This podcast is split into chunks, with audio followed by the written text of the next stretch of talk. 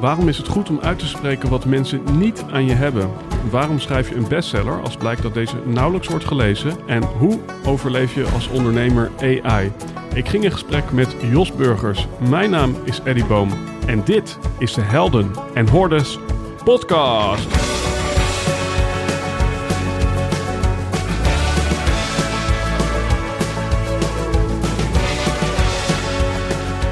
Yes, beste luisteraars, zo direct dus in gesprek met Jos Burgers. En wie kent hem niet? En ik ben echt super blij dat hij hier in de aflevering is verschenen. En Jos en ik hebben trouwens ook iets in common. We zitten beide in de wereld van positionering, copywriting en communicatie. En heb je nou moeite met jouw positionering, copywriting en communicatie? Omdat je last hebt van AI omdat je last hebt van steeds meer andere coaches en steeds meer mensen die moeilijker de portemonnee trekken door de recessie? Dan moet je even in de show notes kijken, want daar staat een wachtlijst waar inmiddels meer dan 50 mensen op staan voor mijn online cursus Buitengewoon Binnenkomen. Mocht je deze aflevering later luisteren en mocht het dan zo zijn dat de opleiding gewoon al draait, ga dan alsnog even naar die link, want dan word je geredirect naar buitengewoonbinnenkomen.nl en dan krijg je, nou laten we zeggen 15% korting, yes, op de online opleiding. En ja, het is wat mij betreft echt een meesterwerk. Ik heb er onwijs veel geld en tijd in gestoken. Ik heb dat nog nooit in die schaal in mijn leven gedaan. En ik ben er echt onwijs trots op. En ik denk dat je er heel veel plezier aan gaat beleven. Waar je ook veel plezier aan gaat beleven is deze aflevering met Jos Burgers, geboren in 1951 en een van de meest gevraagde managementsprekers in Nederland. Hij was tien jaar werkzaam in de verkoop- en marketingfuncties bij een technische groothandel. Na een studie bedrijfseconomie aan de Universiteit in Tilburg was hij ruim tien jaar als docent marketing en marktonderzoek verbonden aan Fontys Hogescholen te Eindhoven. Daarna adviseerde hij gedurende een tiental jaren bedrijven en instellingen op het gebied van strategie, marketing en klantgerichtheid. Tegenwoordig richt Jos zich volledig op het schrijven van boeken en het geven van presentaties, workshops en seminars. Een van de meest vrolijke, humoristische, maar ook scherpzinnige mensen die ik ken in het vak. Ladies en gentlemen, Jos Burgers. Nou, uh, Jos, leuk dat je er bent.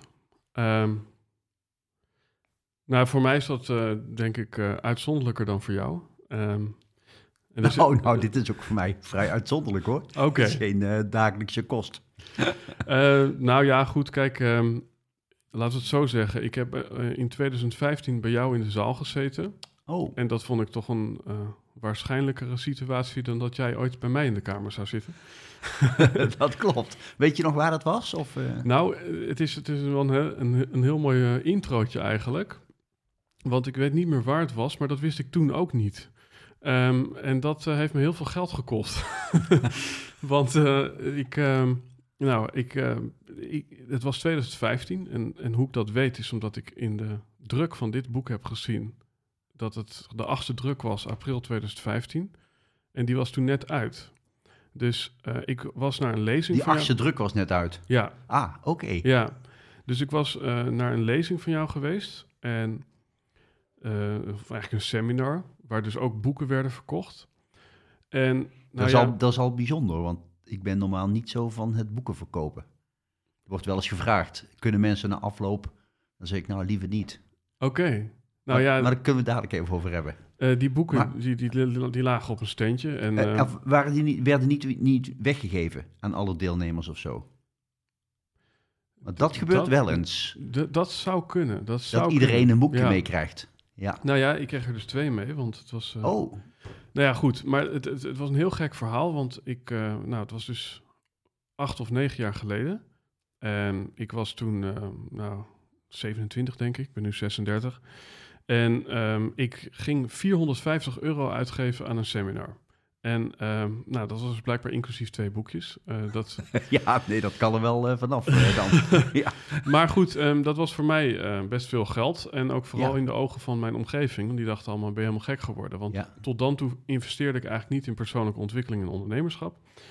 En toen, nou ja, ik, ik, ik vond het, het idee alleen al. Hè, toen was er natuurlijk ook nog een hele andere uh, ja, inflatie dan nu, zeg maar. Dus, dus, dingen waren veel goedkoper. En nou, ik ging daar naartoe en het was een, een smak geld. En uh, ik vond eigenlijk het verhaal alleen al mooi. Van nou, dan heb ik een keer heel veel geld uitgegeven. Um, en toen ging ik naar jou toe en ik weet nog wel... Dat en dat was een hele middag waarschijnlijk, of avond, hele avond of middag? Het of... was een middag, ja. Middag, oké. Okay.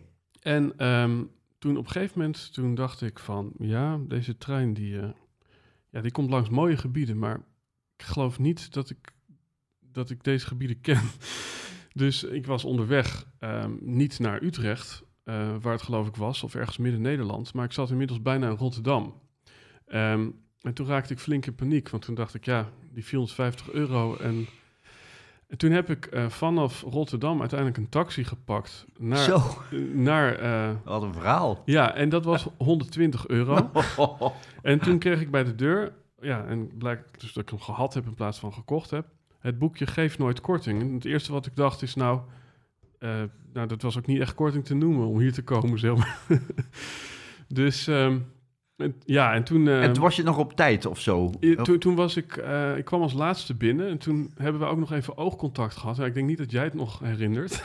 Nee, nee, ik weet ook niet meer welke bijeenkomst. Ehm, het zweet zat ook overal. En ehm, ik had ook helemaal niet gegeten, want ik had ingecalculeerd dat ik op het station wat Ja, kon nemen. Maar ja. dat kon dus ook allemaal niet, want ik kwam niet meer op het station. Dus nou ja. Ehm, maar dat was mijn kennismaking met jou. Zo. Maar ja, dat was de start. En Maar je en- hebt er in ieder geval geen trauma aan overgehouden. nou, ik heb, er, ik heb dat verhaal regelmatig kunnen vertellen. En dat was in principe het geld al waard. Ehm, en het was ook een heel leuk seminar. En zo ja, kwam ik in aanraking met jou en jouw werk. En ehm, nou, nu zijn we zo'n acht jaar verder. Hè? En nou, misschien is het een mooie inleidende vraag van... Want ik heb nu inmiddels jouw nieuwste boek van jou gekregen. Thuis ben ik niet zo leuk. Mhm. Ehm, maar wat maakt dat je het zelf wel nog heel leuk vindt? Om te doen. Ja. Eh. Wa- wa- wa- wa- waar zit voor jou die, die sprankel? Ja, ik, iemand heeft mij wel eens ooit gevraagd: eh, wanneer ben jij op je gelukkigst? En toen dacht ik: ja, op een podium. Ja? Ja, ja hoef- het is nog, nog erger als ik naar de schouwburg ga, naar een theater ga, naar voorstellingen. Ik ben eh, groot liefhebber van cabaret, allerlei soorten cabaret. Ehm, dan, vind, dan ben ik altijd een beetje jaloers dat ik daar niet sta. ja. Dat is heel gek. Ja, en dat... eh, je, eh, je, je wordt natuurlijk als auteur en spreker vaak in één adem genoemd. Dus je ziet jezelf, als je dan moest kiezen, meer als een spreker dan Ja. als een auteur. Ja, ja? ja, ja, meer. Ja, hoewel natuurlijk na zoveel boeken kun je ook moeilijk zeggen dat je geen schrijver bent of geen auteur, geen auteur bent. Maar ehm, laat, ik- laat ik het zo zeggen, als ik met een van, van, van beiden moest stoppen. Hè? Eh, stel dat je iets krijgt, een mankement, en je gewoon zegt, ja, dat lukt een half, half uur op het podium staan, dat lukt al niet meer om een of andere reden. Ja, dan zou ik liever het schrijven stoppen dan, eh, Ja. ja. zeker, dan het spreken. En wat maakt dan... Want hoeveel boeken staan er inmiddels op jouw naam? Eh 16. Wauw. En daarmee 16 ben je verschillende dan. hè? de Dus- best verkochte... Ja, niet 16 keer één hetzelfde boek gedrukt.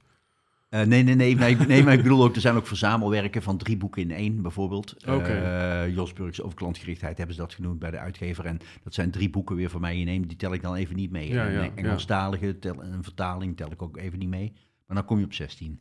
Ja, mooi. En eh, daarmee heb je ook managementboek ongeveer uitgespeeld. Dat, je, je bent volgens mij de meest verkochte schrijver. Nou, ja, bij managementboek.nl. En, en, want ik denk dat er best wel eh, auteurs zijn die meer boeken verkopen of hebben verkocht dan ik hoor. Kijk, bijvoorbeeld eh, Ben Tigelaar bijvoorbeeld. Ehm, ja, die heeft een aantal zeer succesvolle boeken geschreven. In, maar die heeft, ehm, voor zover ik weet, dat ook in eh, eigen beheer gedaan. ja. En dan gaat het om aantallen. Ja, dat is niet te zien natuurlijk om wat voor aantal dat precies gaat. Maar ehm, managementboek.nl zei ooit van Jos Burgers is de best verkopende auteur Ja, bij ja. ons. ja. En, En- en, en- het zijn er nou zo'n 300.000 of zoiets. Of ja, inmiddels dat is alweer jaren geleden. Iets meer in ieder geval. En wat maakt dan dat je met, met de reputatie die je inmiddels hebt... niet... eh, de- ja, dat je toch 16 boeken hebt gemaakt... terwijl je eh, spreken toch net ietsje leuker vindt. ja, nou ja, ik heb ook weer een boek liggen. eh, in mijn hoofd al. En ook deels in een ordner gewoon op papier al de rode draad. Maar ik moet alleen nog tijd vinden een keer echt om, om ervoor te gaan zitten. Eh, eigenlijk, eigenlijk is het boek er al. Alleen de woorden moeten nog op papier komen. Daar komt het eigenlijk op neer. Ja, Ehm, ja, en dus, ja, er zit toch iets van een missionaris in mij. Ja, Ik wil toch altijd iets meegeven, iets en, en op een podium kun je dat natuurlijk doen en, en in een boek ook. ja. En, en is, eh, hoe, hoe, hoe versterkt het boek... eh, Maar Ja, voor duidelijkheid misschien, het schrijven van een boek is niet eigenlijk heel leuk. Het mooiste van het schrijven van een boek is als het af is. Ja. Nou ja, het schrijven is dus niet heel leuk, maar je hebt dat toch al 16 keer gedaan. En hoe lang doe je gemiddeld over een boek?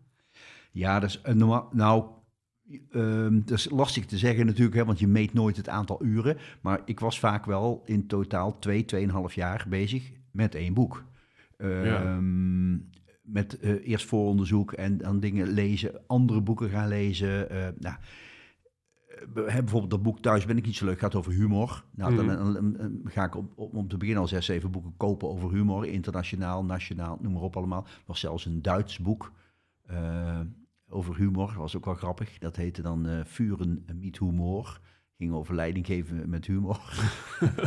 ik dacht, nou, ze hebben het ooit geprobeerd. Onu, Ja, ja Humor. dat, dat is al aardig gelukt. vuren, o- One. Ja, en dat lukte aardig. En nu aan uh, Miet. Ehm, maar eh, ja, dan ga je heel veel lezen en heel veel studeren en heel veel video's bekijken, noem maar op. En dan, ehm, en dan op een gegeven moment komt het schrijfwerk. En dan, dus ja, dan ben ik wel twee, tweeënhalf jaar. Maar natuurlijk niet dag in, dag uit. Nee. Maar eh, ik heb wel één keer een, in de coronatijd in zes weken tijd een boek geschreven. Maar toen had ik al wel de ingrediënten allemaal in mijn hoofd. Dat waren allemaal thema's die ik al ooit behandelde. Eh, nooit in een boek had gezet. Was dat het boek over... eh, Wacht niet op de wind. Ja, ga roeien. Ja, Ja, ja, ja. die. ja. En die heb ik toen echt in zes weken. Maar dan was het ook echt zes weken niets anders doen in die zes weken. Dus niet even een boodschap gaan doen. Niet even met, met, met mijn vrouw van... eh, zullen we vanmiddag nog eventjes naar, naar een nieuw ander meubeltje gaan kijken of zoiets. Mhm. Nee, nee. is Echt zes weken. S morgens beginnen tot 's avonds laat. ja, En dan door. ja. Is dat boek uiteindelijk ook zes keer zo slecht geworden? Nee, Nee? nee. dat was het best verkochte boek van 2020, als ik het goed zeg. Ja, want dat 21. is, dat is wel- 20, ja. want, want dan zou je ook kunnen denken... Nou, dan kan je vanaf nu al je boeken in zes weken gaan schrijven. Ja, dat zou misschien, nou, als je al dat voorwerk hebt gedaan, als Ja, je dus al weet waar het over gaat. En ik heb nu bijvoorbeeld een, een nieuw boek eh, in het hoofd. Dat, dat worden 25 hoofdstukjes met Mhm. vijf delen. En elk deel is ook wel weer een, een heel duidelijk afgebakend iets. Daar zou ik me misschien best, als ik me zes weken opsluit, eh, dat kunnen doen, ja. En, en wat, is de, wat is de formule? Hè? Dus hoe verhoudt zo'n boek zich tot het spreken? Ik bedoel, er is waarschijnlijk een reden eh, waarom je die boeken nog schrijft, want zo leuk schijnt het niet te zijn. Nou, als het af is wel. En als het daarna loopt en, ehm, en je komt mensen tegen die zeggen... ja, ik koop al jouw boeken en ik, ik lees jouw boeken. Dat is wel... eh, plus, je leert daar natuurlijk zelf ook meer van dan degene die de boeken lezen. Want, Ja. want door te gaan schrijven verplicht je jezelf om na te denken over... ja, maar wacht eens even, er, komt, er zit er nog meer achter. En, en dus ik, ik merk ook, ook van... ehm, ik krijg ook steeds nieuwe inzichten... doordat ik mezelf eigenlijk een uitdaging geef. Ja, Hè, als ik mezelf een uitdaging geef van ik, ik ga daarover schrijven, vanaf dat moment zie ik eh, hele andere dingen als ik van tevoren zag. Of op het podium schieten mij andere dingen te binnen. En die moet ik dan ook snel noteren, eh, omdat ik denk, wauw, dat is mooi, dat past helemaal bij dat thema. ja. En in hoeverre is dus je lezing het resultaat van het boek? En in hoeverre is het boek het resultaat van je vertellingen? Ja, dat laatste. Eh, Ja? Dus ik begin op het podium als het ware. Daar s- vertel ik dingen, bedenk ik dingen, noem maar op. En dan later denk ik, wauw, dat is eigenlijk wel mooi voor een boek. Oh, wat grappig, ja. Het klinkt logischer andersom, want een boek is natuurlijk in lengte veel langer dan een gemiddelde lezing. Ja, dat klopt. Maar je gaat niet zomaar uit het niets een boek bedenken. Nee, En dan denken, oh ja, hier zitten aardige dingen in voor straks op het podium. Op dat podium ontstaat het min of meer vanzelf. Ik zal een simpel voorbeeld geven, Eddy. Ehm, ik had een keer, herinner ik me, eh, ik had een zaal voor me. ging over klantgerichtheid, over medewerkers, noem maar op. En toen was er een, een supermarktmanager van Albert Heijn. En die vroeg mij toen de afloop, die zei, ja, het is leuk, maar je hebt nu zoveel tips gegeven vanmiddag. Hoe ga ik dat nu allemaal overbrengen aan mijn, op, aan mijn mensen? En nou, dat zette me even. Ik denk, ja, aan jouw mensen. Dus het eerste wat ik zei was, nou, niet. Want je moet vooral niet, als je hier vanmiddag tien dingen hebt meegekregen, dat morgen aan jouw mensen, want die worden helemaal gek. Die snappen er helemaal niks van. En dus, dus dat, dat is één. Dus begin dus met één ding de komende drie maanden. Zeg eens gewoon één ding tegen je medewerkers, leg dat uit. En, drie. En toen ging ik nog een stap, ja, maar ze zijn niet gewend om dit te doen, dat te doen, dat te doen. En toen dacht ik, ja, wacht eens even, maar als je ze nou de opdracht geeft om één keer op een dag is iets bijzonders te doen voor een klant. Hè? Even mee te lopen naar de auto als het regent. Of even paraplu te pakken en te zeggen, ik loop even met u mee. Of weet ik wat, wat, maakt niet uit wat je doet. En toen kwam ik op dat idee van één fan per dag. Zeg, als je nou eens één keer op een dag tegen Ja, mensen mooi. zegt... En dan denk ik, wauw, één fan per dag, dat is, potverdorie, dat is goed. En dan eh, ja, gebruik je dat een paar keer op het podium. En je gaat er wat voorbeelden bij gebruiken. Eh, ik, heb, eh, iemand, ik heb een verzekeringsbedrijf voor me. En ik zeg, nou, jullie krijgen waarschijnlijk elke dag wel telefoontjes van mensen die iets niet snappen met de verzekering. Ja, ja, ja, dat klopt. Ik zeg, stel dat je je nou voorneemt om over twee dagen die mensen nog eens terug te bellen. Nadat je ze iets hebt verteld, uitgelegd. En je zegt na twee dagen, ik had je aan de lijn hier gisteren. Ik was zomaar benieuwd, zomaar even. eh, is het eigenlijk nu helemaal wel duidelijk? Heb je het er nog over gehad met je partner of wat dan ook? En zei ze, wauw, ja. Ik zeg, eh, moeten we dan iedereen bellen? Nee, één, één keer. één keer op een dag. Meer hoef je niet te doen. Maar Ja. ik beloof je, dat wordt het leukste telefoontje van de hele dag. Want die mensen zijn verrast. En die denken, oh, wat leuk dat jij aan aan me denkt. En misschien hebben ze nog wel aanvullende vragen inmiddels. Nou, dan kun je ze meteen helpen. Maar als je dat nou eens één keer... En dan gaat het groeien, groeien, groeien. En denk oh, wauw, dit is een boek. Ja, prachtig. Ja. Dus het, maar dat ontstaat eigenlijk in het podium... of na afloop met vragen of... Ja, En is die storytelling component, is dat iets eh, die je op een gegeven moment bij jezelf hebt ontdekt? Of heb je daar op ingezet als een soort ambitie? Ehm, ik heb dat nooit. Ja, toen ik daar veel mee bezig was, bestond ook het woord storytelling. Ja, dat is ooit door iemand bedacht later natuurlijk. Ja. Hè? Ehm, maar het is al, ja, dat is natuurlijk iets al van eeuwen oud, zal ik maar zeggen. Eh, sprookjes, ja, in de middeleeuwen zijn niks anders natuurlijk als dingen om mensen iets mee te geven, om te onthouden, om eens bij stil te staan, eh, in de vorm van verhalen. Ehm, dus ja, dat heette in de middeleeuwen nog geen storytelling, maar dat was er toen ook al. Dus ik was al, al volop met verhalen bezig, toen dat begrip ook er nog niet was. Dus Ja. ik heb nooit bewust gedacht van, oh, ik ga nu eens even allemaal verhalen bedenken of onthouden. En wanneer begon dat? Tenminste, dat je daar echt beroepsmatig iets mee ging doen? Mm. Ja, ik denk wel toen ik columns ging schrijven voor de krant. Ik heb ehm, lang, eh, het heet tegenwoordig het Brabants Dagblad, hè, het zuiden van het land. Toen heette het nog het Nieuwsblad van het Zuiden. En daar schreef ik columns voor. En dan merkte ik al wel dat je kunt wel iets uitleggen, maar op het moment dat je er natuurlijk een verhaal vertelt, dan willen mensen weten hoe eindigt het verhaal. Eh, hoe, Ja. eh, dan neem je ze mee. En daar heb ik denk ik voor het eerst onbewust eh, ben ik verhalen. Het, ko- het gebruiken. komische is dus eigenlijk dat je begonnen bent toch met ja, het schrijven. Ja, Toen werd dat vertellen en vanuit het vertellen wist je wat je moest gaan schrijven. ja klopt. Ja, nee, dat is wel waar. Ja, het is wel een, eh, een soort van eh, mooie transitie. Ja. Ehm, zie jij jezelf dan meer als een artiest of als een ondernemer? Eh, meer als artiest. Ja. Ja, ik ben eigenlijk niet zo'n, vind ik zelf, niet zo'n ondernemer. Kijk, ik ben wel zelfstandige, Mhm. maar ehm, En wat maakt dan dat je voor zalen staat veelal met ondernemers en niet met artiesten? ja, ik kan het vrij goed uitleggen. ja, maar dat betekent niet dat ik het zelf beheers. nee. En, maar dat is, eh, kijk, Louis van Gaal was ook geen geweldige voetballer. Nee, ja, nee, En, en Co Adriaans ook niet. En, en, en dat soort trainers. Dus ja, die zijn toch in staat om iets over te brengen op mensen waar mensen dankbaar gebruik van maken. ja, nee en, ik, en ik vind dat inderdaad een mooie, want het is natuurlijk een muurtegeltje, practice what you preach. Ehm, maar je hoeft natuurlijk niet altijd ja, een, een heel competent in de uitvoering te zijn om het goed te kunnen overdragen. Nee, dat denk ik ook. En ik, eh, kijk, ik merk wel vaak dat. ehm, kijk, er zijn wel eens ondernemers, hè, die, die zijn dan. Die zien ons op een podium staan, hè, Mhm. mij en collega-sprekers en zo.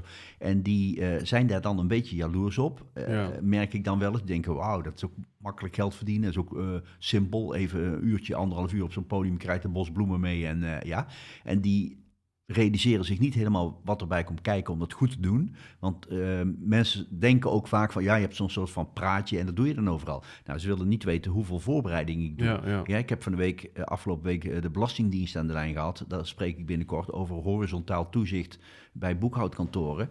Eh, vanuit de Belastingdienst, nou, daar heb ik echt wel even werk aan om daar die, die middag een uur, anderhalf uur een goed verhaal neer te zetten. ja. Eh, over warmte-koude opslag heb ik binnenkort een verhaal. Een hele zaal met installatiebedrijven die met warmtepompen Ja. bezig zijn. Nou, dan moet ik echt een goed verhaal houden. En dus soms zijn er ondernemers die zijn wel redelijk geslaagd. Die zijn dan een beetje jaloers en die hebben dan als eerste verwijt... ja, wat weet hij er nou van? Heeft zelf niet eens een groot bedrijf gehad. Ja. Ja, ja, dan denk ik, nou ja, ik laat dat maar dus gewoon zo. Maar Nou ja, ja, ik, ja, waarom moet dat? maar het kan misschien ook wel een frisse wind zijn, eh, juist omdat je vanuit een hele andere sector komt. Of in ieder geval een hele andere benadering hebt. Ja, maar goed, kijk, het gaat er mij alleen maar om. Ik heb een benadering, ik heb een kijk op dingen. En eh, mensen eh, houden, veel mensen houden daarvan, of die omarmen dat, die waarderen dat. Nou, dat is genoeg. Ja. En- ja, want je staat voor ondernemers en ik vind dat een interessante. ehm, eh, om twee redenen. Eén, omdat ik van je weet dat je zelf regelmatig bij Theo Maas en Brigitte Kaandorp en eh, andere cabaretier- cabaretiers in de zaal staat. En dan vaak inderdaad... In de zaal zit, ja, ja. Ja, nou ja, sta, ik zei staat. Nee, nee, ik bedoel niet op het podium staat, hè? Ja, nee, precies. Dat ja. is nogal verwarrend hoe ik het zeg eigenlijk. Nee, ja. Ehm, ja, dus, dus er, er is vanuit jou een soort, ja, een, soort passie voor het, ja, het comedyvak volgens mij. Ja. En, en theatervak. Ja, ja. Ehm, en en wat, maakt, eh, wat, wat, wat maakt dat je geen cabaretier bent geworden eigenlijk?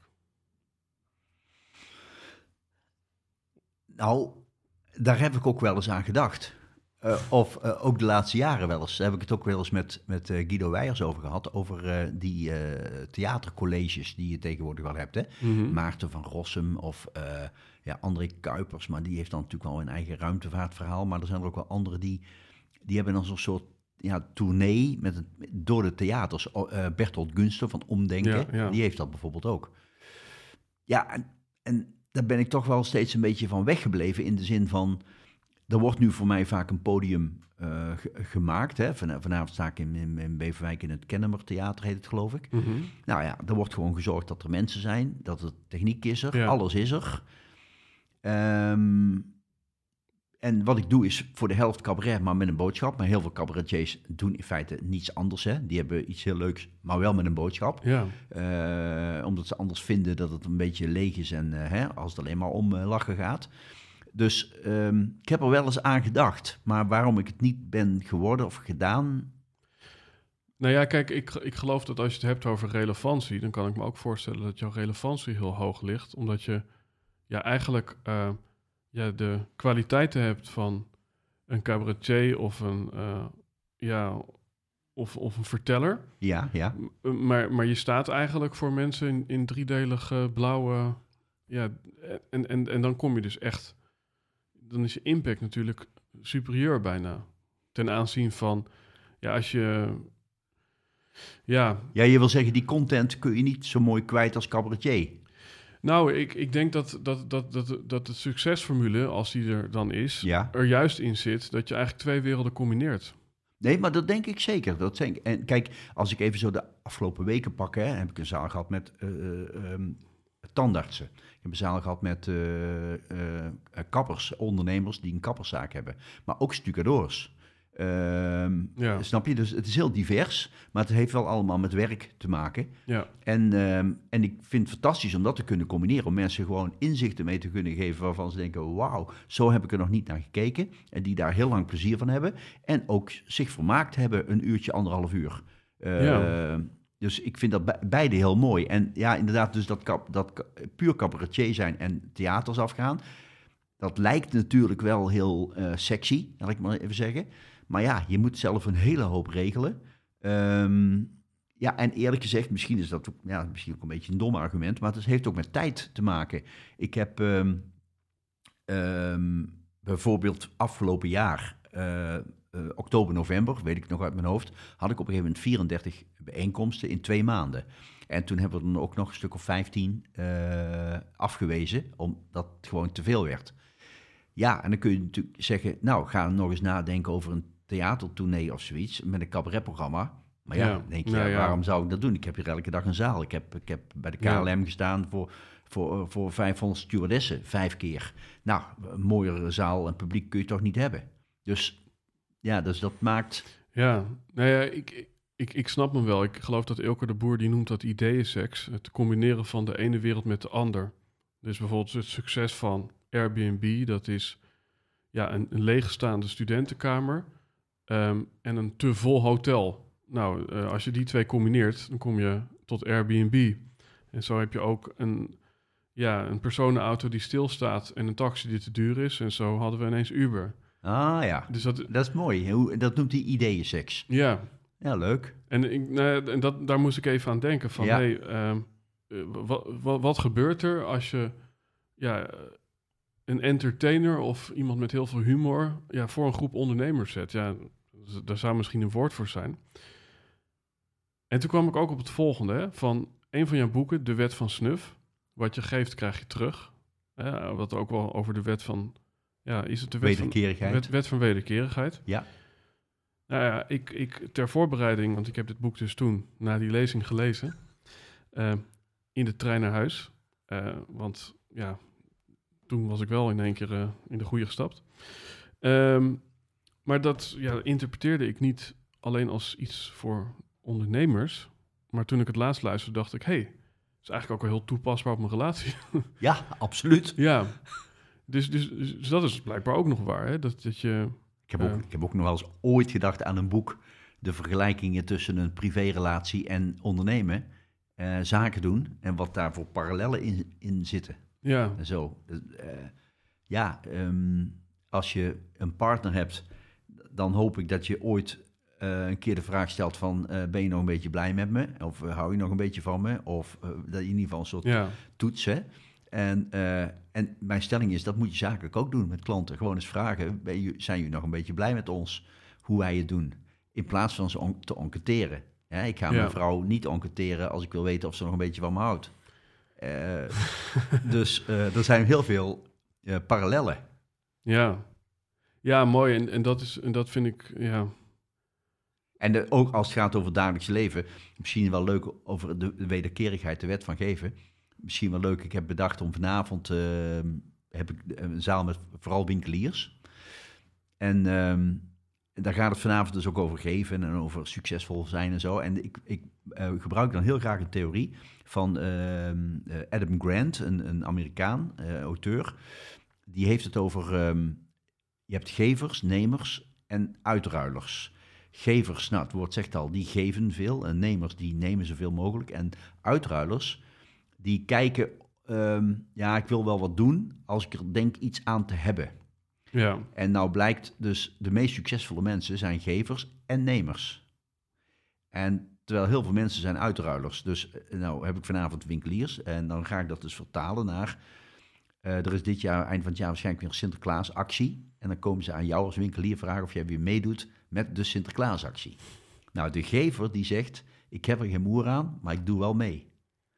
Want dat is voor mijn collega's hier in het centrum. En dan hebben wij een leuk centrum en klaar. ja, En de, de, de nemer, die zegt, die denkt bij zichzelf, nou, ik heb er heel veel aan, maar ik doe alsof ik er niks aan heb.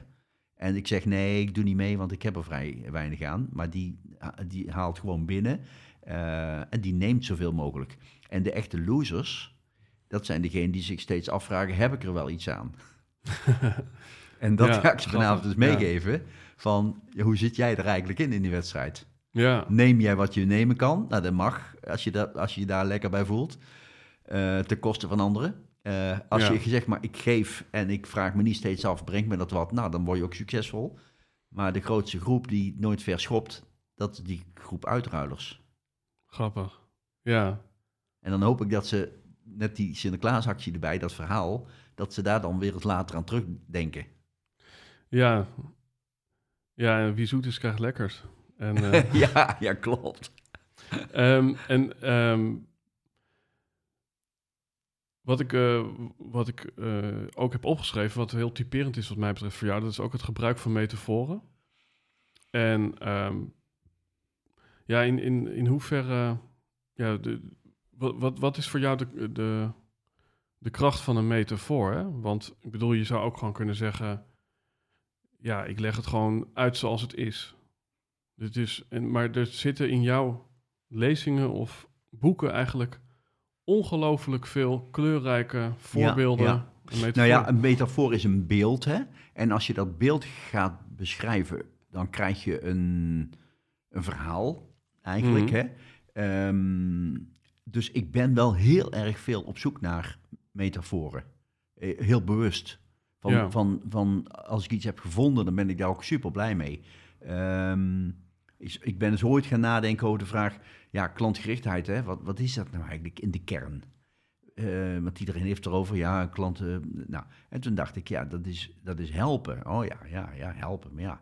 Ehm, maar op het moment dat je, dat je daar dan op voortborduurt, Mhm. dan krijg je ineens heel veel invalshoeken. Dan krijg je bijvoorbeeld de invalshoek van, durf je iemand te helpen als je er zelf niks aan verdient? Dus er komt een klant bij jou Ja. en durf je dan te zeggen, ik vind het hartstikke leuk dat je aan mij hebt gedacht.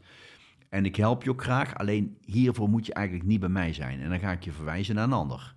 Ehm, dan ben je iemand geweldig aan het helpen.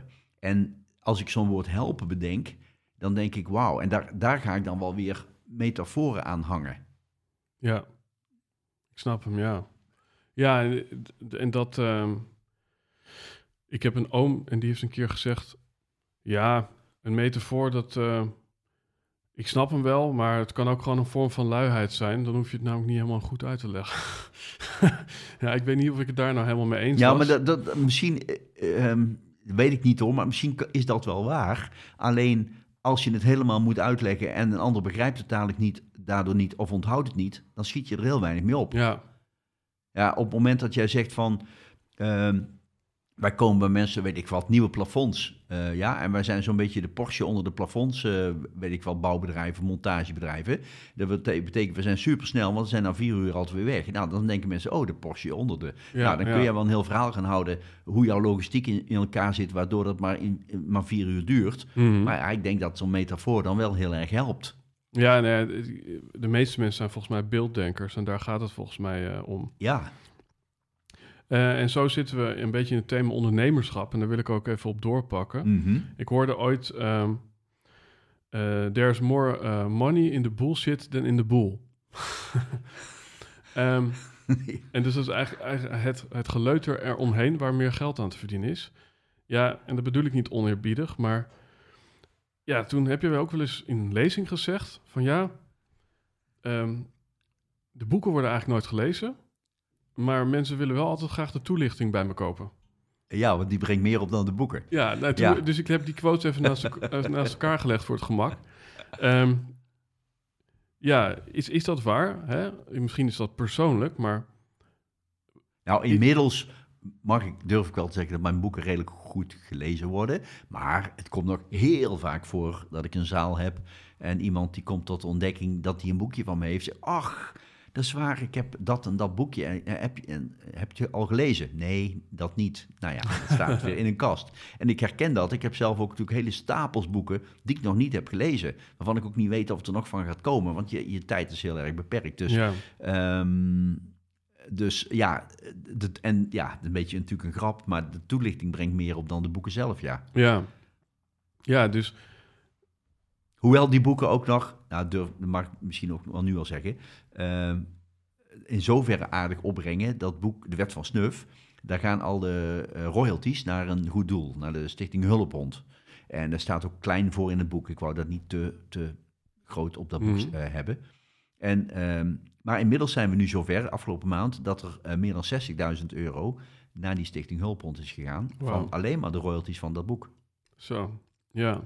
Want ze dachten natuurlijk ook bij die stichting, nou ja, een paar van die boekjes. Maar Mhm. eh, ze hadden niet in de gaten dat dat zo... eh, Ja, want het is misschien een persoonlijke vraag, hè? Ja. maar ik kan me voorstellen dat, dat heel veel luisteraars, dat, lu- luisteraars het toch boeiend vinden van... Ja, ik denk dat heel veel mensen een Jos Burgers willen zijn.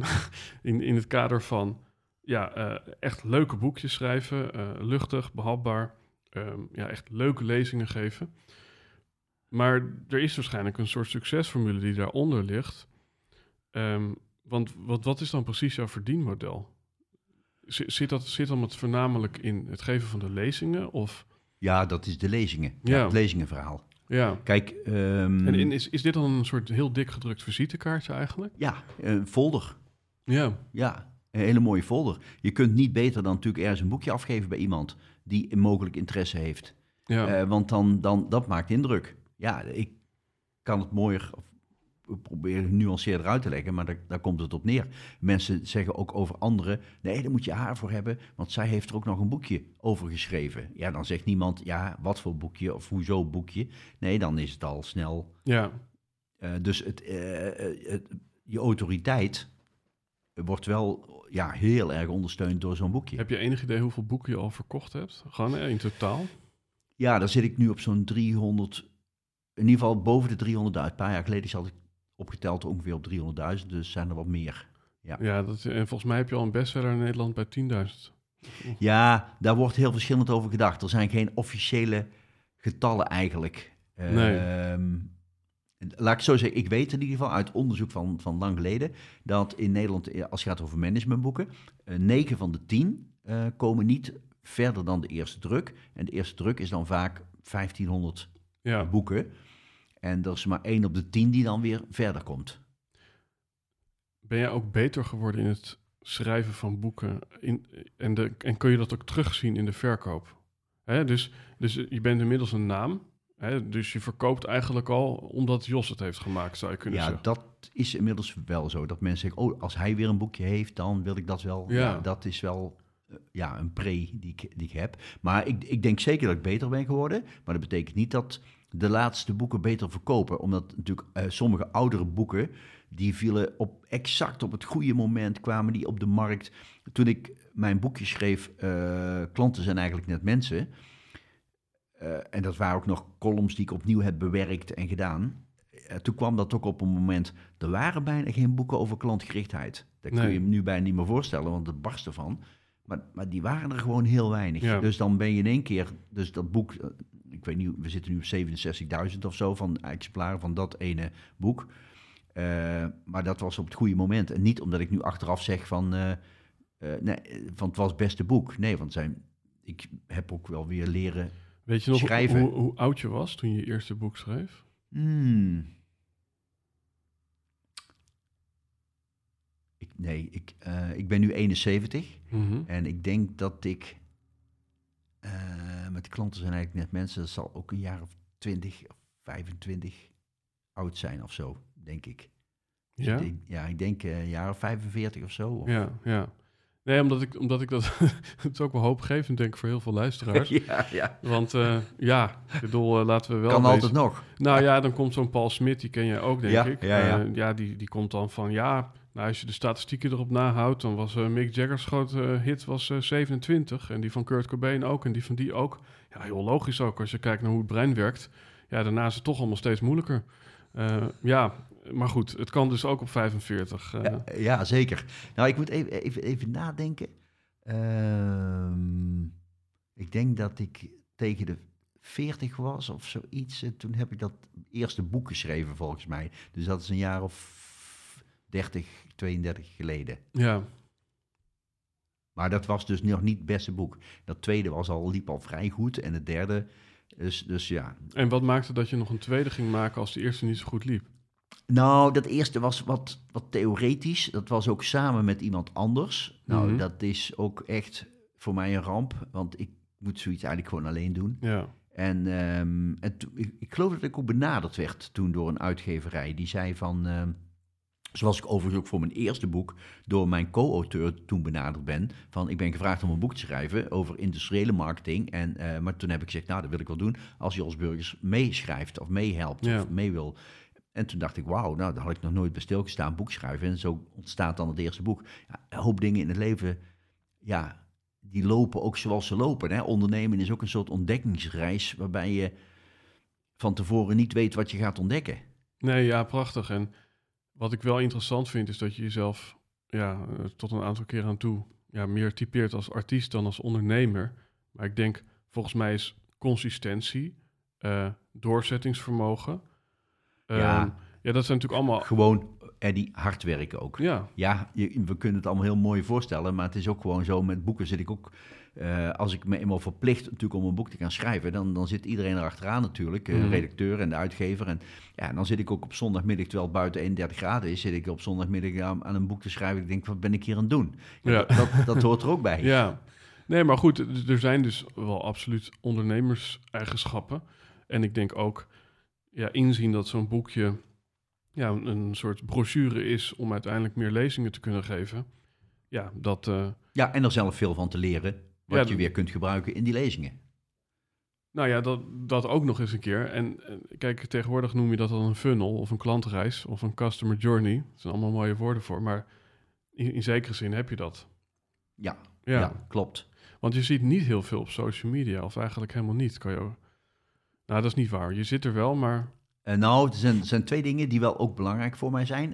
Eén is eh, YouTube-filmpjes, waar ik zelf nooit voor heb gekozen. Maar die, die werden er op enig moment gewoon opgezet door klanten van mij.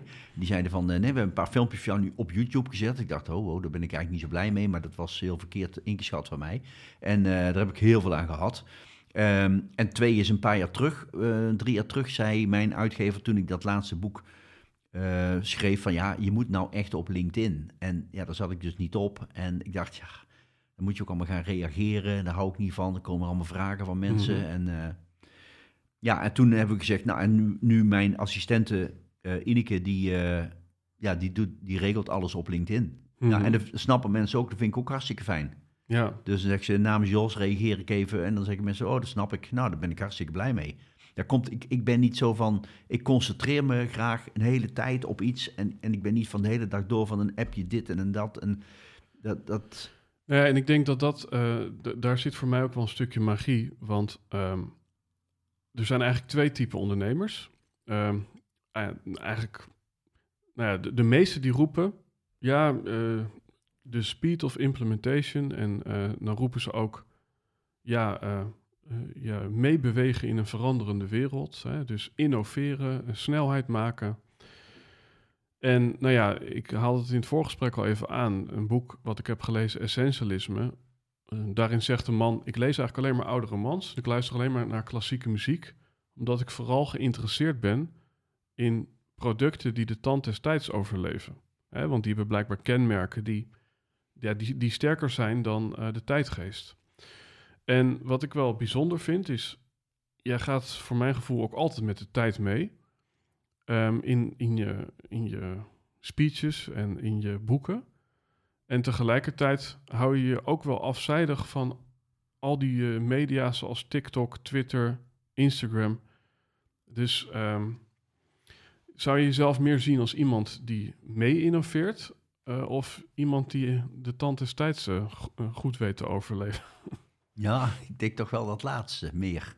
Ja, Want ik, ja, ik kijk als het gaat over eh, eh, Insta en, en TikTok. Ik wil ook zeker niet zeggen dat mensen dat niet moeten doen of dat je er niks aan hebt. Nee, ik denk dat het voor veel mensen eh, ja, echt een fantastisch middel kan zijn. Maar je moet wel je goed afvragen wat past bij mij. ja. Ehm, en, en dat is wel steeds. En niet meegaan met alle. Dat is, en dat lijkt altijd makkelijk. Hè? Eh, ik heb bijvoorbeeld als spreker, hè, eh, misschien- ja, misschien weet je dat, maar ik ik gebruik bijvoorbeeld nooit PowerPoint. Hè? En eh, ik heb een soort. Ik schrijf wat voor een zaal. En dat, Ja. nou, vroeger werkte ik heel veel met een flip over. Hè? Zoals nu Remco Klaassen dat ook heel veel doet. En dan had ik wel eens ehm, bijvoorbeeld eh, in een hele mooie, dure, luxe Duin en Kruidberg in Zandpoort had ik dan een bijeenkomst. En eh, door Charles Groenhuizen was dan dagvoorzitter. En dan zaten er ook allemaal mensen in de zaal, commissaris van de koningin en Eerste Kamerleden enzovoort. En dan eh, zei, zei, ik, zei ze, ja, wat heb jij nodig? En zei ik, ja, flip over. Zei ze, oh nee, och, dat kan echt niet. Daar kun je voor die mensen niet mee aankomen, joh. Die hebben hier een tweedaagse congres, executief dit en dat. En dan ga je een beetje met een flip over, ja. En, en, maar dan hield ik toch maar vast, want dan dacht ik, ja, ik kan nu wel voor het eerst een PowerPoint gaan zitten maken, maar dat, dat past niet bij mij. Dat is, en dan deed ik dat dus niet en dan had ik gewoon een flip over en dan hield ik toch maar vast.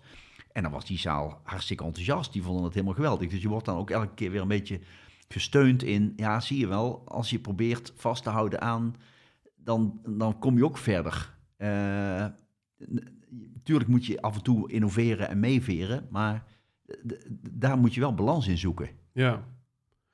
Nou, en ik denk ook als je constant mee innoveert. Ik heb ooit in een storytelling boek gelezen. eh, if you change your message, the clock resets. Dus iedere keer dat jij weer iets nieuws gaat uitdragen of iets nieuws gaat proberen, ja, dan, Oh ben- ja. dan ben je opnieuw weer een soort beginner. Ja, dan staat de klok weer op nul. Ja. Dus ja, dat is ook, ja, ja, ja, ja. Want in hoeverre herha- herhaal jij in je lezingen en in hoeverre is het steeds wat anders? Ehm, nou, ik durf wel te zeggen dat ik zo'n beetje aan materiaal, zal ik maar zeggen, v- los van de klant, het bedrijf of wat dan ook, hè, dat ik misschien wel anderhalve dag kan vullen met, met onderwerpen. Als, als ik gewoon morgen de zaal krijg van ja, er is een nood en je moet die mensen anderhalf, anderhalve dag bezighouden, dan denk ik dat ik makkelijk een uur of acht of tien of elf materiaal heb. Ehm, maar ik pas dat wel aan aan de zaal die ik die dag voor me heb. Dus ik haal uit die dag, anderhalve dag, ingrediënten. Ja, En ehm, dus ik ga geen dingen bedenken ja, die helemaal nieuw zijn, ook voor mij. maar eigenlijk, het is een soort, een soort Duplo dus eigenlijk. Het, het zijn, zijn een soort building blocks Ja. waar je... Ja. Ja.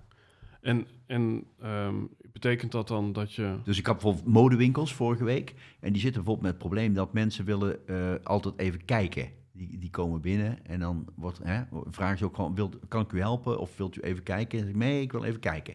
En het gevolg is vaak dat je ze niet meer ziet, want dan kijken ze even en dan zijn ze weg.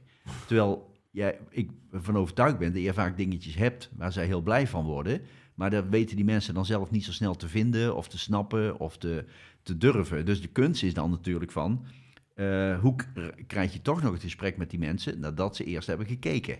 Nou, en dan pas ik een stuk theorie toe die ik beheers van, nou, dit kun je gebruiken. Maar dat, dat, dat Lego-blokje of dat Duplo-blokje gebruik ik dan in feite om dat te koppelen aan hun Ja, modewinkelsituatie. ja, ja. En daarmee is dus eigenlijk iedere lezing ja, binnen de Duplo-blokjes uniek. Ja, het is ehm, ehm, standaard voor mij vanuit de onderwerpen, want het moet bij mij passen en ik moet het beheersen. Ehm, maar ik maak het wel op maat voor hen, eh, opdat zij snappen van, ja, dit gaat over ons. Ja, ja mooi. Heb ik een zaal met dierartsen of met tandartsen, dan, ja, dan heb ik toch weer een andere situatie. Ik, ik zou eh, eh, voor het komende half uurtje... Ja, Zou, zou ik nog een ja, wat actueler thema willen aanraken? Misschien wel actuele thema's. Eh, eentje is dat we nog steeds in een soort inflatie zitten. En best wel een behoorlijke. En ja, wat zou je mensen willen adviseren die ja, last hebben van klanten die nu extra op hun centen letten? Ehm,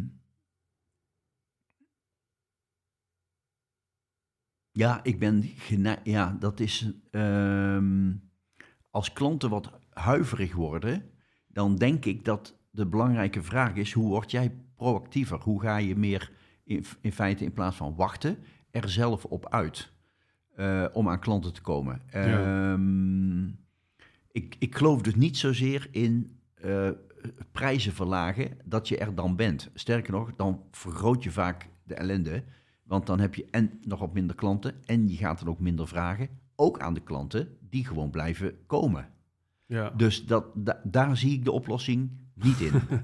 maar waar ik wel de oplossing in zie, is van ehm, klanten op een andere manier helpen. Ehm, ik zei al vanavond, hè, heb, ik, heb ik een zaal met winkeliers. En, ehm, en ik heb eens even op wat sites gekeken. En er is bijvoorbeeld iemand die heeft, die doet in eh, zeg maar bloemenplanten en een beetje decoratie voor in huis. Hè? Wat tegenwoordig een beetje bloemist, een beetje fatsoenlijke bloemist, die heeft dat allemaal in huis. Zij heeft nu op de site staan. eh, wij komen als u dat wilt bij u thuis. Kijken eh, wat zou passen bij u en wat u misschien nodig heeft, wat wij in huis hebben en hoe ver dat te combineren is. Dan denk ik, wauw, die heeft een bloemenwinkel en die gaat naar mensen thuis. Wij zijn eh, drie kwart jaar geleden verhuisd. We hebben nu een nieuwe woning. Mhm. We hebben nog ja, weinig aan planten en dingetjes staan. Dus ik dacht meteen, wauw, dat is eigenlijk fantastisch. Dat iemand zo even een uurtje uit wil trekken of anderhalf uur om bij jou thuis te komen kijken. En dan zeggen, heb je wel eens aan gedacht om zo'n plant hier in deze hoek? Nee, daar heb ik, nee, want ik heb daar geen verstand van, van, van, van planten. Ja, nee, maar is dat niet te heet? Nee, juist die plant vindt het fantastisch om. En toen dacht ik, dus ik ben meteen gaan kijken op twee sites van eh, bloemenzaken bij mij in de buurt. Nou, die doen het dus allebei niet. Nee. oh, jammer. Ehm, maar het is een voorbeeld van, ja, je kunt eh, wachten. Je kunt als, als modezaak, ik ken, ik ken een eh, herenmodezaak en ehm, een paar klanten, ik kom daar toevallig zelf niet, maar ik, ik ken een paar andere mannen die daar klant zijn. En ik weet dat die ondernemer, die stuurt ze dus op een gegeven moment eh, appjes met fotootjes als er nieuwe spullen binnenkomen, waarvan ze denken, Johan of Mark, die vindt dat wat. Nou, dan stuurt hij even van, mocht je in de buurt zijn, dit is allemaal net binnen. En denk ik, ja, je kunt natuurlijk wel gaan zitten wachten in je winkel van, nou, komt er überhaupt nog iemand? En je kunt er gewoon op uit. En ik denk dus dat, eh, dat, dat is ook een beetje de kern van, mijn, van dat boek, Wacht niet op de wind, ga roeien. Eh, Ja, op het moment dat mensen meer op de port portemonnee gaan letten, eh, ja, dan is het gewoon de vraag van, wat maakt dan dat ze toch die centen over hebben voor mij? Want Ja. ze hebben de centen wel, alleen over de hele linie moeten ze misschien wat bezuinigen. Maar ja, dat kunnen ze ook elders doen en het dan bij jou eh, spenderen. Ja, maar en ik heb je ook wel eens ho- horen zeggen juist duurder te worden als een soort omdenken. Ja, eh, je, precies. Je kunt er ook voor de- eh, aan denken van... eh, als ik dan iets minder klanten heb, maar ik ben wat duurder... dan ben ik er misschien ook. Ja, ja, Ja, ik, ik, had, hem, ja ik, ik had met die kapperszaken, had ik het erover. Ehm, eh, op, nou, ik, ik zal even... Ik zit even te denken aan een voor... Nou ja, ik zal eerst even die kapperszaken. Die zeiden dus, al met inflatie, alles wat duurder... dan zijn er mensen die gaan in plaats van... Ik zal maar zeggen, om de eh, vier weken... dat ze, weet ik wat, hè, eh, vrouwen gaan ze ineens om de zes weken. Ik noem eens even wat, voor kleuren of voor doen of zo. En die komen dan minder per jaar. Zeg, klopt. Maar stel dat die 80%, 85% die gewoon even vaak blijft komen... En die ga je wat extra in de watten leggen voor wat lekkers bij de koffie. En, dan, en je doet er een paar euro bij. Ja, dan los je misschien dat hele probleem op. Maar dat los je niet op. Dus dan kun je beter iets duurder worden. Maar dat los je niet op door goedkoper te worden voor iedereen. ja, ja, mooi. En soms, soms eh, ja, ik had vorige week een zaal met bakkers, eh, eh, ondernemers die een bakkerszaak in Nederland hadden. En toen was er eentje die kwam heel enthousiast op mij af.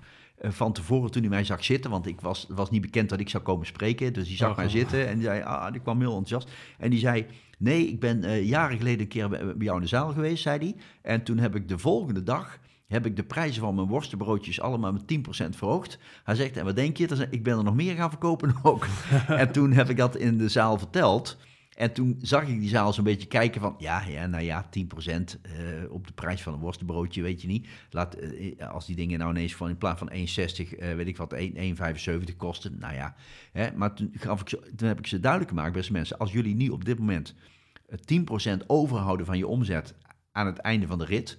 maar je gaat je prijs 10% verhogen, dan verdubbelt je jaarwinst. Dus die ene actie, dat maakt dat je ook veel minder klanten nodig hebt... om die jaarwinst nog te kunnen behalen. En, maar zo denkt men niet. Men Nee. denkt van, ja, een paar procent meer vragen, dat is een beetje meer omzet. Ja, nee. Dat, dat, dat, daar zit iets achter van eh, het resultaat van je bedrijf. Ja. Nou ja, omdat je natuurlijk ook gewoon altijd eh, vaste kosten hebt. En op een gegeven moment ben je die overstegen. En dan kan je... Ja, maar, renderen. maar die, die man met die, met die worstenbroodjes 10% duurder, ja, die heeft geen, geen euro meer kosten. Nee. Nul. Dus, dus wat hij extra binnenkrijgt, houdt hij ook echt over. Ja, ja, nou exact dat, ja. ja. En van tevoren hield hij misschien een dubbeltje over en nu twee. Ja, prachtig. En ehm, nou, ik denk ook dat dat, dat, dat eh, wacht niet op de wind eh gaat roeien. En ehm, het, het vraagt dus om proactiviteit. Het vraagt dus ook om een stukje lef. Ja, Het is, het, is, het is misschien ook wel gewoon zo van ja, je kan het ook zonder lef gaan afwachten. Maar eh, ja, dan kan, Ja, je, kan je waarschijnlijk ook het onderspit delven. Dus, ja, of beter worden. Nog gewoon beter worden in, in, in waar je al goed in bent. En dan denken, dan word ik maar wat beter voor een beperktere groep. En dan vraag ik daar ook weer een prijs, hang daar een prijskaartje aan. Ja, in plaats van het wegvluchten door nou ja, de prijs maar te laten zakken... in de hoop dat het dan een klein beetje blijft draaien. Ja, want er zijn natuurlijk voorbeelden van mensen die juist door de corona enorm zijn gegroeid. En ik moet bijvoorbeeld denken aan Tibor Olgers, die ontzettend in volgers is gegroeid, omdat hij nou ja, ook wel een duidelijke mening had over het beleid. Maar eh, ja, het was voor hem juist een kwestie van opstaan op dat moment. Ja. Nee, dat klopt, dat klopt. Maar er, er zijn, kijk, er zijn ook ondernemers die hebben toen eh, geleerd, ehm, eh, bijvoorbeeld naar de mensen thuis te gaan. Of eh, te zeggen, eh, neem maar kleding mee en zoek thuis maar even uit, noem maar op. En dan breng maar terug wat en zo. Nou, en die hebben dus nu ontdekt van, wauw, dat is, nu, nu is die corona voorbij. Ja. Maar dat werkt nog steeds hartstikke goed. Ja, ik heb daar zelf ook wel een mooi voorbeeld van, want ik coach via Zoom nu. Ehm, maar daarvoor deed ik dat gewoon in de horeca. En laatst kreeg ik ook een vraag van een klant van mij van... Ja, en eh, als we dit traject starten, eh, ja, dan wil ik wel face-to-face zitten. Want eh, ja, ik wil echt wel tot het beste resultaat komen. En toen zei ik zo van, ja, ehm, we gaan samen dus teksten en slogans schrijven. Maar ehm, nou, om ervoor te zorgen dat die slogan goed wordt, waar dienen, we dan naar te kijken? Ja, naar, naar het scherm, naar de slogan? Ik zo, ja. En als wij tegenover elkaar zitten, waar, waar kijk je dan naar? Ja, naar jou. Eh, en toen zei ik ja. En dat zou betekenen dat ik ook nog de hele tijd die laptop zou moeten draaien. Ja. Met, hey, ik heb nu dit bedacht, wat vind je ervan? En zegt ze, het is toch veel efficiënter om dan op Zoom af te spreken? ja, en eh, nou ja, sindsdien is dat eigenlijk gewoon de standaard. En eh, dat, ja, dat blijkt gewoon eigenlijk beter te zijn. En Ja, maar dus, kijk, je, ehm, ik geloof daar wel in, Eddie, omdat je, je kijk, wanneer word je creatief? Eh, en creatief bedoel ik ook nieuwe oplossingen, nieuwe ma- manieren, innoveren, kun je het ook noemen. Hè? Maar eh, meestal word je pas creatief als je een probleem hebt. ja, De meeste ondernemers die heel eh, succesvol met iets beginnen, die hebben zelf dat probleem ervaren, zijn er iets mee gaan doen. en daarna leek, bleek het ook ineens gewoon ja, ja, winstgevend te zijn. Of meer mensen die. het, ik vind altijd een mooi voorbeeld van die, die, die toilettengroep van Toodaloo. Die je bij de Shell-stations en zo eh, wel eens hebt. En ook wel eens in grote steden in eh, het centrum. Daar kun je dus betaald naar toilet. ja. En, eh, maar er zijn fantastische toiletten, super schoon en hartstikke luxe en zo. Maar dat kwam omdat die oprichter eh, een keer, die heeft, heeft dochters en een vrouw. En die ging in Leuven, geloof ik, eh, winkelen in België. En die, ja, die moesten dus naar de wc. Die, en, en ja, dan kun je dus nergens terecht in het centrum. En alleen een beetje gure kroegjes, die waren dan open. Ja. Maar dat was dan ongeveer het enige. En toen dacht hij, waarom is er niet gewoon een betaalde wc? Eh, nou, en dat, toen is hij daarmee begonnen. Dat was best succesvol. En, en vervolgens zei Shell... Nou, dat willen wij al op onze stations ook. Dat een, een fantastische toilet. En alleen dan vragen we, eh, weet ik wat, een halve euro of een euro. En die Ja. krijg je dan weer terug en zo. Als je een drankje koopt. Hè? Maar dat, dat maakt even niet uit hoe. Maar eh, ja, dat ontst- ontstond door een probleem. En zo'n corona heeft natuurlijk een hoop ellende met zich meegebracht. En Ja. dan word je dus creatief. Nou ja, Althans, als je niet vlucht. Want er zijn natuurlijk ook ondernemers die hebben gezegd... nou, ik krijg een uitkering. eh, eh, er is een regeling. ja. Nou, en dan doe ik het daar maar mee. Ja, nou ja, ik vind het wel boeiend, omdat, omdat, ja, dan kan je er bijna van balen als er geen eh, pandemie eh, is, want dan eh, kan je ook niet innoveren.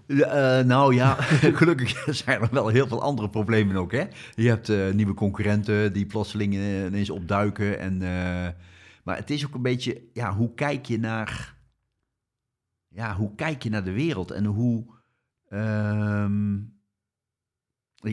ik, vertelde, ik, toen ik die modezaken voor me had, toen ben ik begonnen met te zeggen: Ik heb begrepen dat er echt heel veel modezaken sluiten op dit moment. Ik zeg: Ja, mooier kun je het natuurlijk toch niet hebben. Eh, als je een modezaak hebt. Dat- want je moet er toch niet aan denken dat er elke week in jouw buurt tien bij komen. Eh, en dan, maar zo hebben ze nog niet gekeken. Ze zien alleen de ellende en ze denken: Ik zit in de ellende. Ja, nou ja, en dit is natuurlijk ook inderdaad, net zoals vinyl, waar we het eh, net ook even over hadden, van ja, ik bedoel, er zijn natuurlijk wel een stuk minder platenzaken, maar er zit er hier in Haarlem één, maar Ja. die heeft echt idiote prijs voor zijn platen. dat Want geloof ik. Want hij is de enige. Ja, dat geloof ik. Dat, ik. Ik hoorde gisteren op de radio dat er weer op dit moment videobanden en cassettebandjes weer in is. oh, wauw. Ja, dat er zelfs in Amerika nu weer een videotheek is waar je echt die banden kunt halen.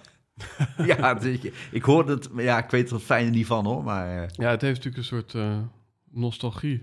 ja. En nou, wat, wat het leuke is van, wat ik natuurlijk bij jou dan eigenlijk ook zie, van oké, dan is er op een gegeven moment een pandemie of, of er is een concurrent opgestaan of eh, ja, er verandert iets waar we het zo ook nog even over kunnen hebben. Maar bij jou is het eigenlijk je eigen huis wat je constant in brand steekt, want jij eh, schrijft dan een boek en moet dan eh, ja, binnen een bepaalde deadline dat boek af hebben van je eigen management. En dan heb je eigenlijk een zelf gecreëerd probleem. Nee, maar dat, zo is het precies. Ja. Zo is het precies, maar dat raad ik mensen ook wel eens aan. Ehm, dat boek wat ik in de coronatijd heb geschreven, toen heb ik, eh, weet ik nog goed, op een vrijdagmiddag heb ik mijn uitgever gebeld of geappt. Ehm, met, met, ik heb een plan, ik wil dit en dat gaan doen. Over zes weken moet het boek klaar zijn. Dat ligt nog niet in de winkel, maar dan kan het gedrukt worden. En, eh, maar ik, ga ik wil er zus en zo aan beginnen. Kan ik het daar maandag met jullie over hebben? Kunnen we maandag even bellen om dat door te spreken? Nou, graag. Eh, Nou, dus toen, eh, op dat moment kon ik er niet meer onderuit. En, en, en soms moet je nadenken over de vraag, hoe zadel ik mezelf met een probleem op? En, en, en soms helpt het enorm als je een partner hebt of een, een, een, een mede-ondernemer of wat dan ook. En, en je spreekt daar iets mee af. Wij gaan er samen voor zorgen dat we over een maand, dat, ja, dan, Ja. dan moet je wel. En, eh, want eh, ik weet uit de literatuur, managementliteratuur, eh, er wordt heel veel gesproken over wilskracht. Hè? Mhm. Van als je maar wilt en zo. Ja, dat blijkt gewoon niet zo te zijn. Wilskracht is een heel erg overschat iets. Wij, wij doen iets omdat het moet, omdat onze omgeving daarom vraagt, of Ja. omdat we iets hebben afgesproken, we hebben stok achter de deur of wat dan ook. Maar puur op wilskracht, nou, dan heb je al heel snel van het is nu mooi weer deze week en eh, laat maar even gaan. En dat kan volgende week ook nog. Ja. De- dus klopt, E- Eén zo'n probleem wat nu ook eh, ja, sinds een paar maanden heel erg eh, actueel is, dat eh, is ChatGPT. Dus eh, Ja. de, ja, ja als je het hebt over het schrijversvak, waar we natuurlijk allebei in zekere zin in staan, ehm, al ben jij eigenlijk een, een spreker stiekem. En ben ik, ben ik stiekem, een positioneer, meneer.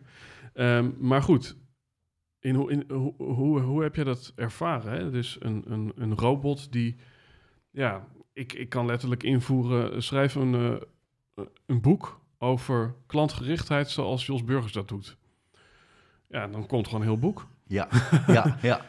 Is dat voor Klopt. jou een bedreiging of een verrijking? Ja, ik zie dat niet als bedreiging, maar eh, misschien is dat naïviteit van mijn kant hoor. Eh, maar ik zie dat niet als bedreiging. Waarom? Omdat ehm, er wordt in feite natuurlijk gebruik gemaakt alleen maar van materiaal wat er al is. Dat systeem bedenkt niet iets nieuws. Nee. Hè? En, ehm, en ik denk dat eh, creativiteit en eh, alles wat ermee te maken heeft, is echt iets bedenken wat er nog niet op die manier is. Of wat nog niet Ja, zo ja. verwoord wordt, of wat dan ook. En dat kan volgens mij dat systeem niet. Dat is hetzelfde waarom men denkt dat scholieren, eh, leerlingen tegenwoordig een beetje dom worden, omdat die gaan zoeken snel op Google. Maar dan vind je alleen maar antwoorden van dingen op dingen die al ooit bedacht zijn. Die antwoorden Ja. zijn al ooit een keer en nooit iets nieuws wat nog nooit iemand heeft bedacht. Nee. En ja, ja. ja het, is, het, is, het, is, het is wat in me opkomt. Het is bijna een soort van. Zogenaamd leven we in een tijd van een soort hypermoderniteit. Met allerlei eh, ja, eh, AI die plaatjes, video's en teksten enzovoorts maken. Maar in feite, wat jij nu eigenlijk zegt, is we leven eigenlijk juist meer in de geschiedenis. Omdat we de hele tijd ja, dingen stoelen op wat Google zei over hoe het eergisteren was. ja, ja, kijk, en ik, ik, ik beweer dus niet. ehm, ik, geloof, ik geloof dat ik van de week ergens las dat er tienduizenden banen verloren gaan in Amerika vanwege eh, chat, GPT en, en, enzovoort, teksten genereren. Maar daarvan denk ik dan al, ja, dat waren niet de meest geweldige baantjes volgens mij, want dat waren van die teksten die er al niet zo geweldig toe deden. Ja. En als je kijkt naar de geschiedenis van automatisering, digitalisering, AI en alles wat erbij komt kijken, dan is het altijd zo dat het meest domme, simpele werk, dat wordt uit handen genomen van mensen. Ja, ja. ik, bedoel, ik, ik ben nog uit de tijd van voor digitalisering dat je eh, ponstypistes had. Die zaten alleen maar gewoon wat ze zagen te typen en dat werd dan in gaatjes vertaald en dat ging dan een, een soort van computer in of zo. En ja, het eerste wat er natuurlijk afgaat is dat, want ja. want ja, dat is een beetje dom werk. Dus dom werk wordt het eerste overgenomen door computers.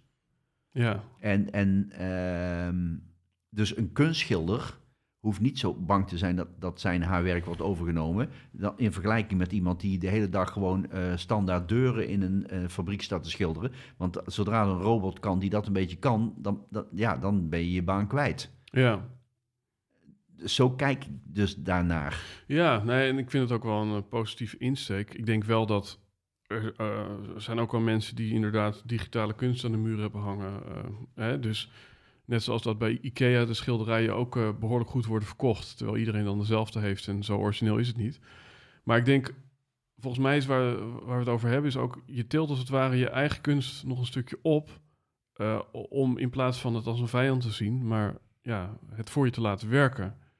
Ja, eh, zo, kijk, sowieso waar ik erg in geloof is dat eh, de menselijke factor, het onderscheidende wat mensen eh, kunnen betekenen voor anderen, dat wordt eh, waardevol, want dat wordt schaars. Dus waardevol. Ja, Ehm, daar geloof ik wel heel erg in. En ik vind ook wel dat veel bedrijven die fout maken, die zijn dus bezig met digitaliseringsslagen enzovoorts, en vergeten dan ja, dat als ik één keer per jaar mijn verzekeraar nodig heb, of één keer per jaar moet ik naar het gemeentehuis, of, of één keer per jaar, eh, pas met mijn bank had ik ineens, schrok ik met iets wat achteraf ten onrechte bleek omdat de computer iets had gedaan.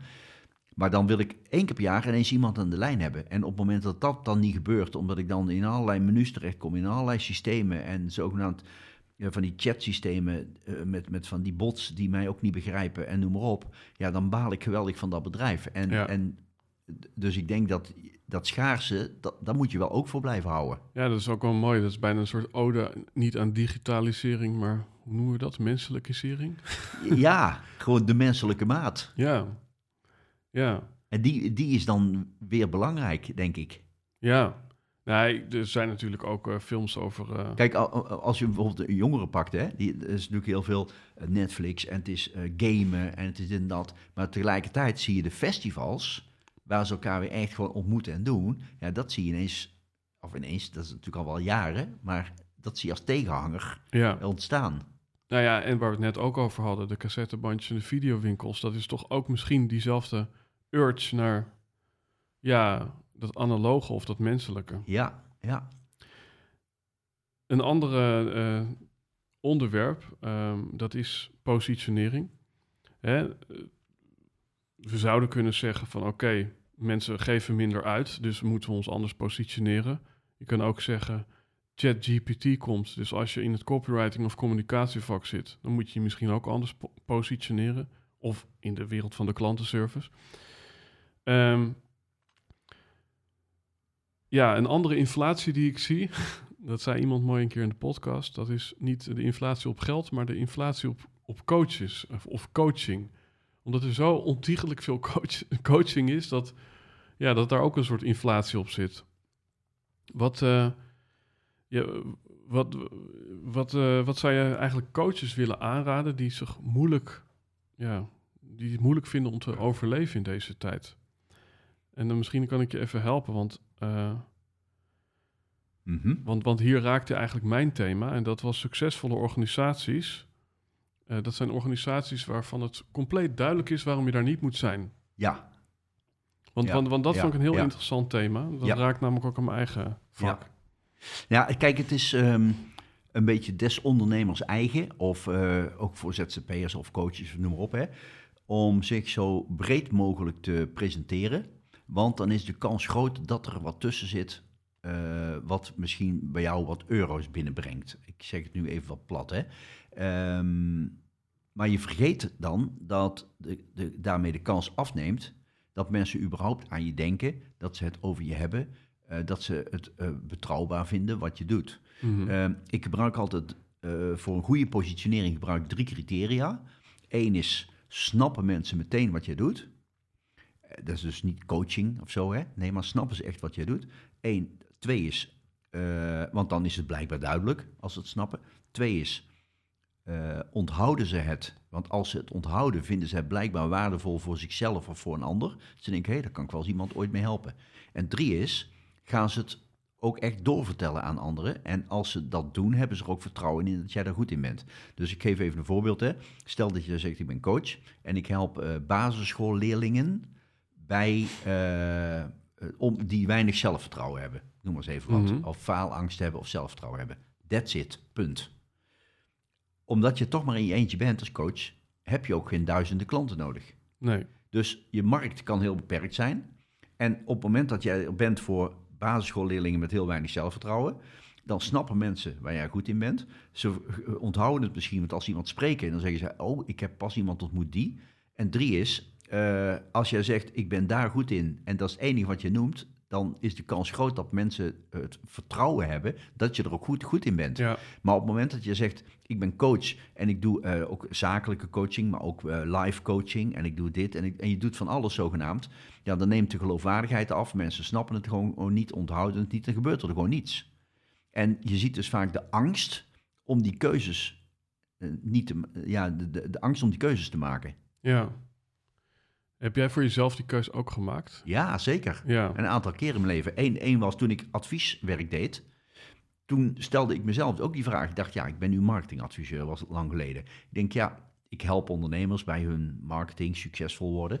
Ik dacht, ja, maar wat is er nou anders aan mij? En toen dacht ik, toen kwam ik erachter, nadat ik een keer een dik rapport had moeten maken voor de Volleybalbond, geloof ik. Die wilde een of ander rapport over, nou ja, leden werven of zo. En er gebeurde natuurlijk niks met dat rapport.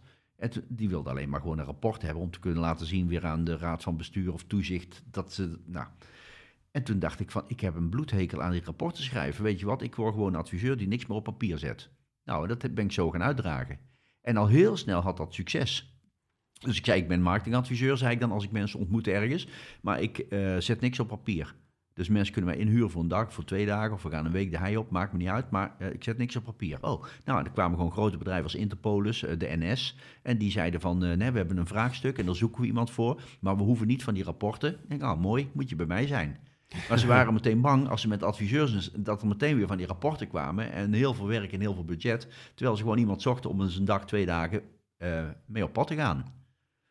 En, en, En, en, soms kreeg ik dan wel eens de vraag, maar zou je dan ook niet nog een half A4'tje even willen maken als een soort samenvatting van die dagen? Dan zei ik, ja, natuurlijk wil ik wel een half A4'tje maken. Het is niet zo dat ik principieel iets niet ga doen, maar ik wil graag duidelijk maken wie ik ben en waar ik voor sta. Ja, en het heeft dus ook alles te maken met uh, hoe je jezelf op voorhand presenteert. En, ja. en dat je dan naderhand inderdaad misschien inderdaad uh, vanuit klantgerichtheid iets extra's doet, maar dat wel in die volgorde. Ja, dus zeker. Ja, mooi. ja, in die, en, en dan, dan uh, en mensen zeggen dan van ja, maar als, als iemand dan een adviseur zoekt en ze willen wel een rapport, ja, dan moeten ze bij die andere 5000 of 10.000 in Nederland zijn, die allemaal van die rapporten maken. Maar, maar dan niet bij mij.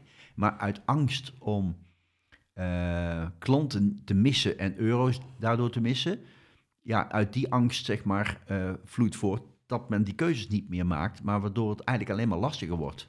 Ja, ja het, is, het is een soort van het omgekeerde van wat het reptiele brein uh, ons soort influistert. Die denkt, ik wil meer en ik wil verzamelen. En, maar de weg naar meer is dus minder. Ja, zeker. Ja. Een andere... en, en zeker omdat je niet zoveel nodig hebt. Als, hè, als je alleen nou ja, dat, dat, dat vind ik inderdaad wel een belangrijk inzicht. Zo heb ik eigenlijk nog nooit naar gekeken.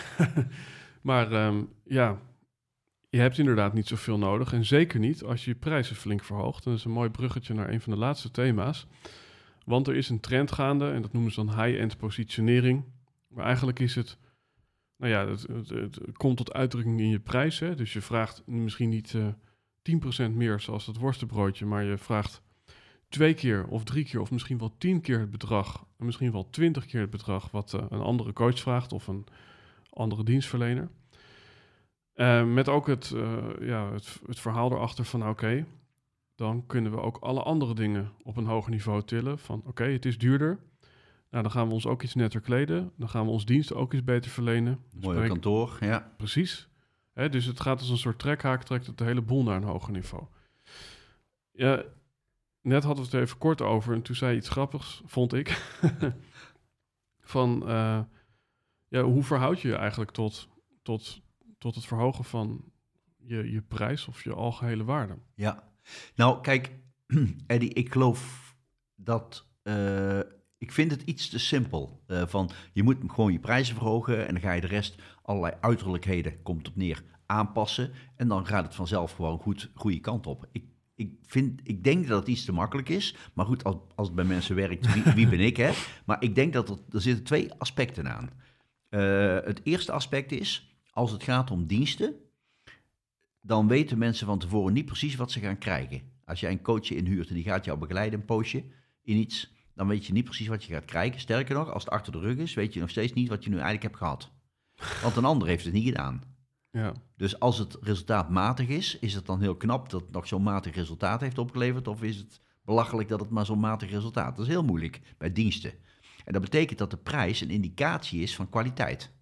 Ja. Als jij iets moet bestellen in, een, in het buitenland en je weet niet wat het is, dan ga je toch een beetje op de prijs af van, nou, dit zal wel redelijk zijn, maar het allergoedkoopste zal ik maar niet pakken. Uh, dus dat is één element. Dat de prijs is natuurlijk wel een soort indicatie van. Mm Maar als het zo is dat je zomaar eventjes je prijs verdubbelt of 50% omhoog of wat dan ook, hè, met een beetje uiterlijk vertoon, en dat gaat ook nog een succes worden, mhm. dan is het volgens mij geen luchtverkopen, want daar geloof ik nog steeds niet in dat dat lukt. Maar dan was je misschien al gewoon te goedkoop en gaat het nu beter omdat je duurder wordt. ja, ja, ja. Nee, en, en dat vind ik wel een mooi inzicht, want we zijn vaak eh, ja, eh, bang om ons prijs te verhogen.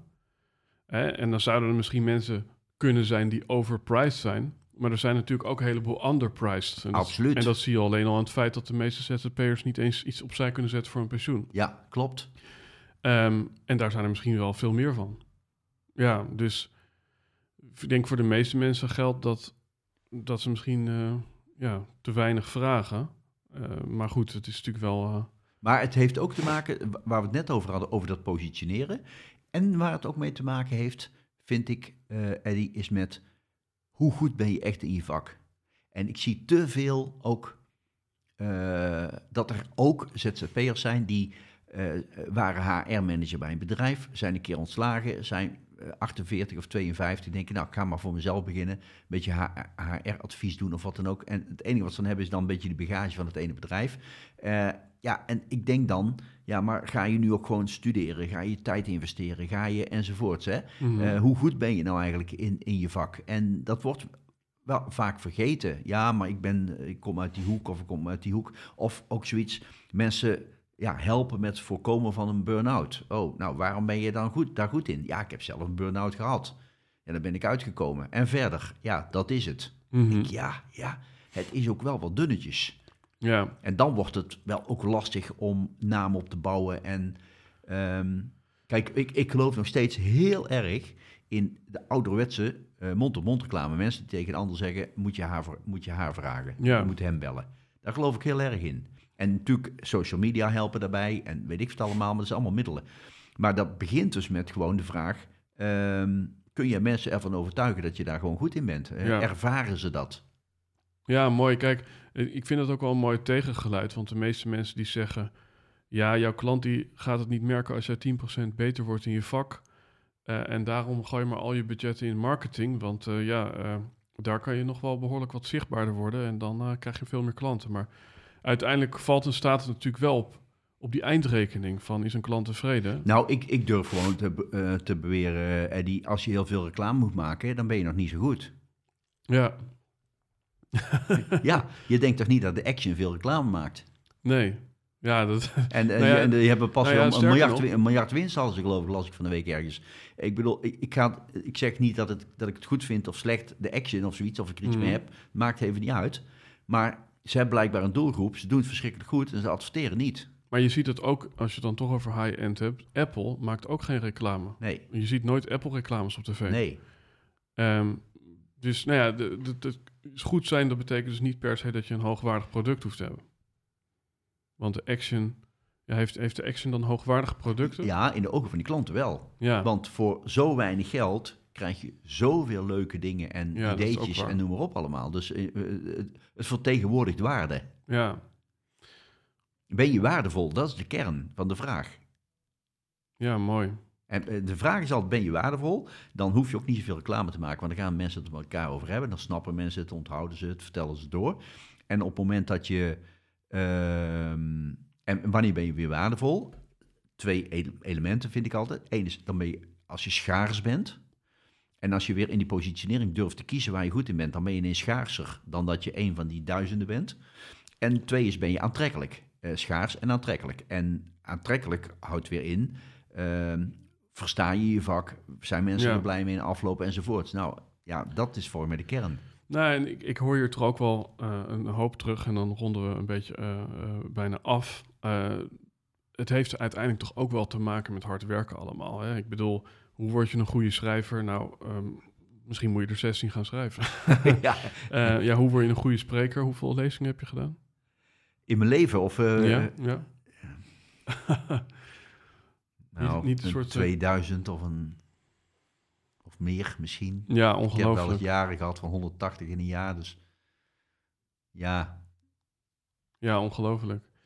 Ja, dus en ik denk dat dat ook wel inspirerend is. Dat je dus iets gevonden hebt ehm, waarmee je eh, blijkbaar de, het ervoor over had om, om daar zo'n gedeelte van je leven aan te wijden. Ja, en meters maken. Hè? Het, het is ook een bekend verhaal natuurlijk, een klein beetje. Maar ja, ook eh, uren steken in. En Ja. dan word je beter. Nou, ik heb zelf dit jaar met een coach de verleiding gehad om een soort van afslag te nemen. En nu denk ik uiteindelijk van nee, dat zou het domste, in ieder geval zakelijk zijn wat ik ooit had kunnen doen. Omdat ik nu, ja, ik heb de slogan bijvoorbeeld een Edwin Selei gemaakt, maar ja, van veel mensen in dat wereldje uh, uh, heb ik ofwel een producttitel of een slogan of een... En ja, die markt is nog lang niet verzadigd en ik word alleen maar beter. Uh, dus, um, en dan kun je beter van daaruit iets bedenken wat je die mensen aanbiedt uh, als vervolg, maar met dat nog steeds als ingang. Ja, mooi. Dat is ook een, super uh, belangrijke nuance. Ik kijk vooral mijn klok vanwege uh, ja, jou. begrijp ik. Het is nu half vijf. Oké. Okay. Um, ja, er ligt hier ook nog onder op de stapel een mooi boek. En dat is Thuis ben ik niet zo leuk. En dat gaat over humor. Um, en wij hebben besloten dat we twee van deze boeken weggeven aan de luisteraars of kijkers. Ja.